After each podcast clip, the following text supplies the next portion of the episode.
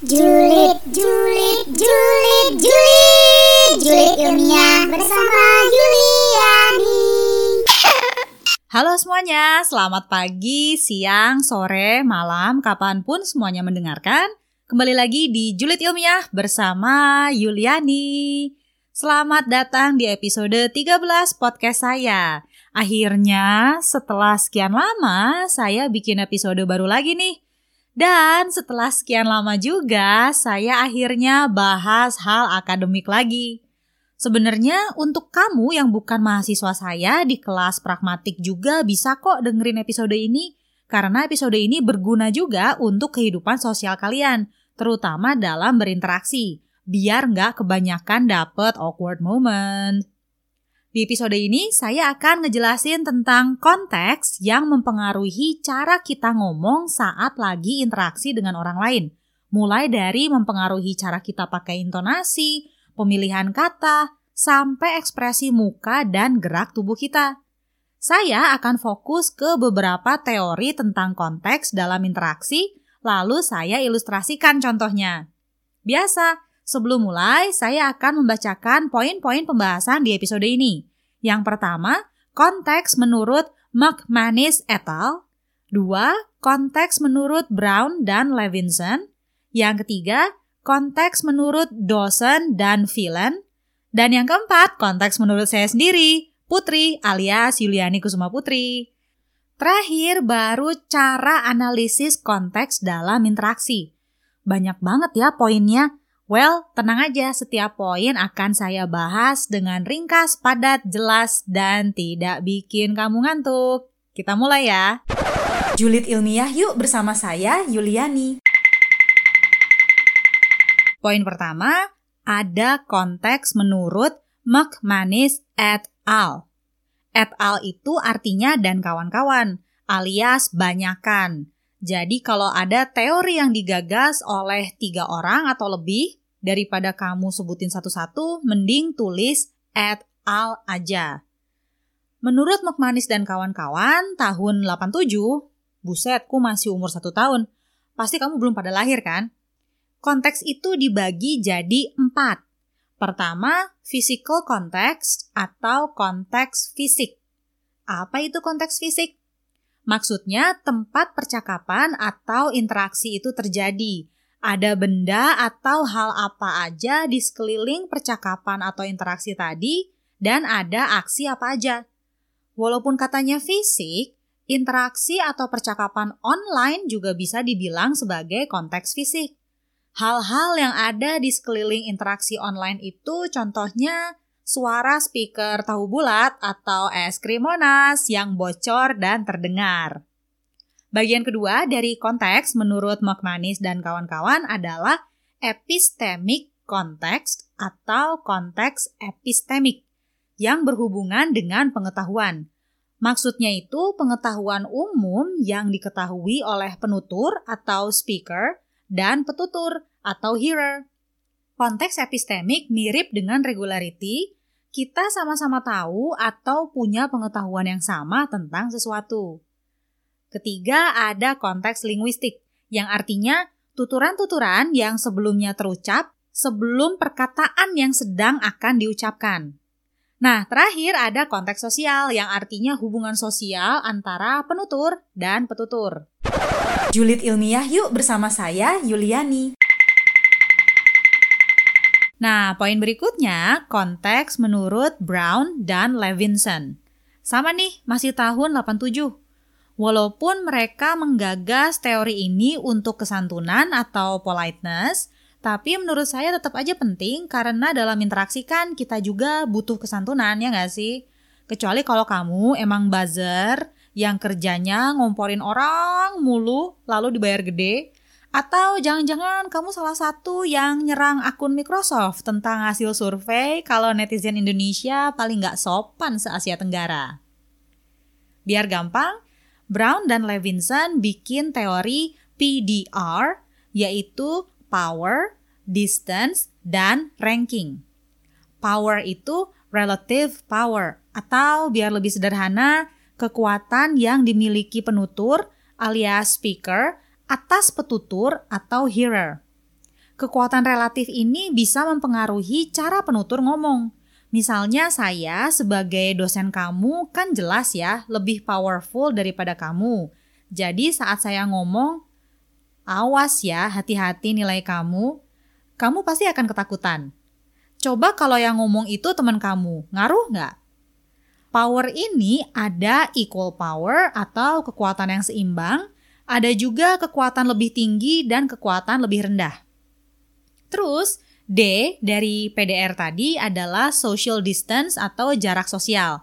Nah, kalau ini bukan dari kekuatan, tapi lebih dari dekat atau tidaknya penutur dan petutur.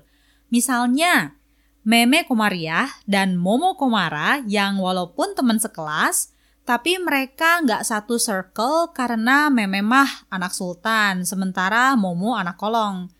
Pas mereka ngobrol duaan, belum tentu bisa akrab karena jarak mereka tadi. Jarak sosial juga bisa aja kayak kamu yang dulu deket banget sama dia sampai kenal orang tuanya, eh lalu putus. Dan pas ketemu lagi jadi kayak orang asing gitu deh. Terakhir, ranking of imposition. Maksudnya penting tidaknya atau sulit tidaknya suatu situasi. Misalnya nih ya, kamu mau pinjem uang ke teman kamu 10 ribu dan pinjem uang 100 ribu, pasti cara ngomongnya akan beda kan? Biasanya semakin sulit situasi akan semakin berbelit-belit ngomongnya alias kebanyakan muter-muter. Julid ilmiah yuk bersama saya Yuliani. Sekarang poin ketiga, konteks menurut dosen dan Filan. Baru loh tahun 2016. Jadi menurut mereka, konteks itu dibagi jadi tiga.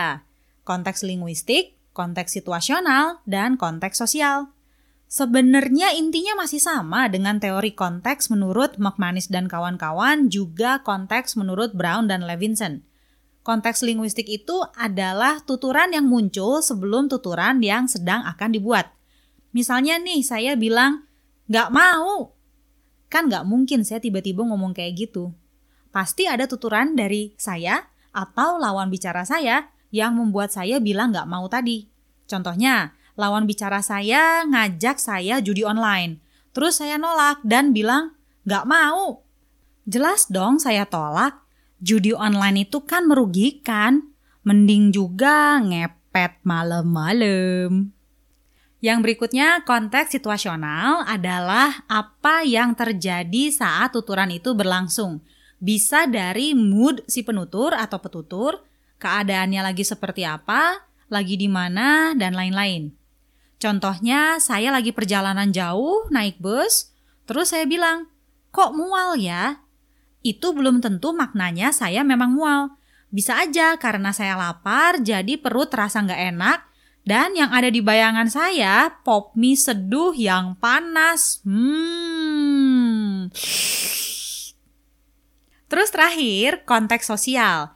Intinya mirip lah dengan teori-teori sebelumnya, informasi tentang hubungan orang-orang yang terlibat dalam interaksi.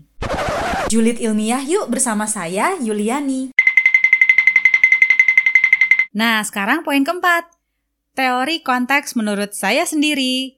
Yang itu tuh yang membuat saya dibilang jolok padahal kan tidak. Si kontol panjang. Yes, itu tidak jolok loh. Itu ilmiah ih. Situasi, kondisi, toleransi, pandangan, dan jangkauan. Situasi dan kondisi itu keadaan sekitar yang mempengaruhi tuturan, seperti mood penutur dan petutur, cuaca, waktu, kesehatan, lagi ada siapa aja di sekitar interaksi, lagi di mana, dan lain-lain. Kalau toleransi lebih ke gabungan dari konteks sosial, power, dan ranking of imposition. Jadi, dekat tidaknya penutur dan petutur, kekuatan yang dimiliki penutur dan petutur, dan penting atau sulit tidaknya sebuah situasi masuk ke toleransi ini. Kenapa konteks sosial, power, dan ranking of imposition itu saya masukin ke toleransi?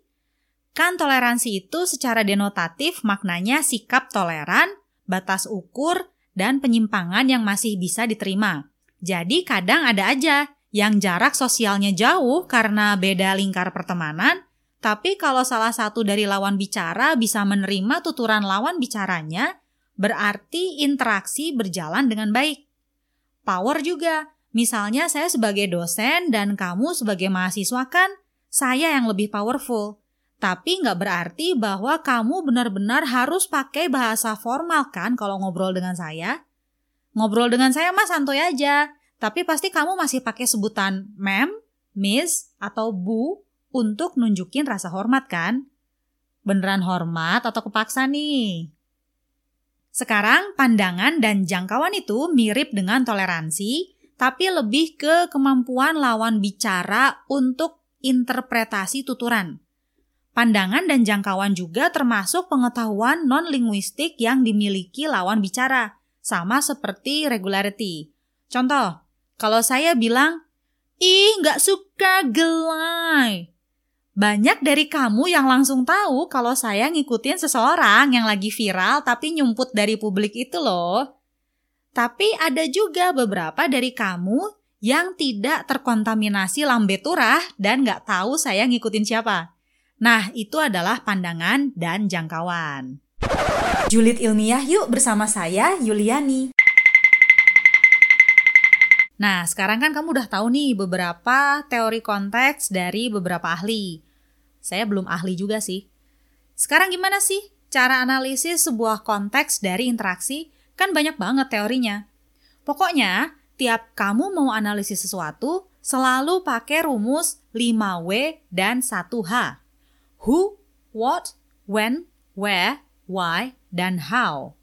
Siapa yang ngomong, dengan siapa, apa posisinya, apa yang diomongin, apa situasinya, apa moodnya, kapan interaksinya, kapan ngomongnya, di mana ngomongnya, kenapa ngobrolin itu, gimana ekspresi orang-orang yang lagi ngomong, dan lain-lain. Tapi ingat, 5W dan 1H itu nggak perlu semuanya dicari. Yang kira-kira mendukung analisis kamu aja. Nanti kamu pusing sendiri mencari yang belum tentu ada, kayak cari belahan jiwa yang antara ada dan tiada. Sekarang saya kasih contoh ilustrasi ya. Pernah nih ada yang kirim WhatsApp ke saya kayak gini. Assalamualaikum Mem Yuli, maaf mengganggu. Saya Anu dari kelas Inu. Saya ingin konsultasi dengan Mem mengenai judul skripsi saya. Apakah kira-kira Mem ada waktu? Jika ada, kira-kira kapan saya bisa bertemu dengan Mem? Terima kasih sebelumnya Mem, dan maaf mengganggu.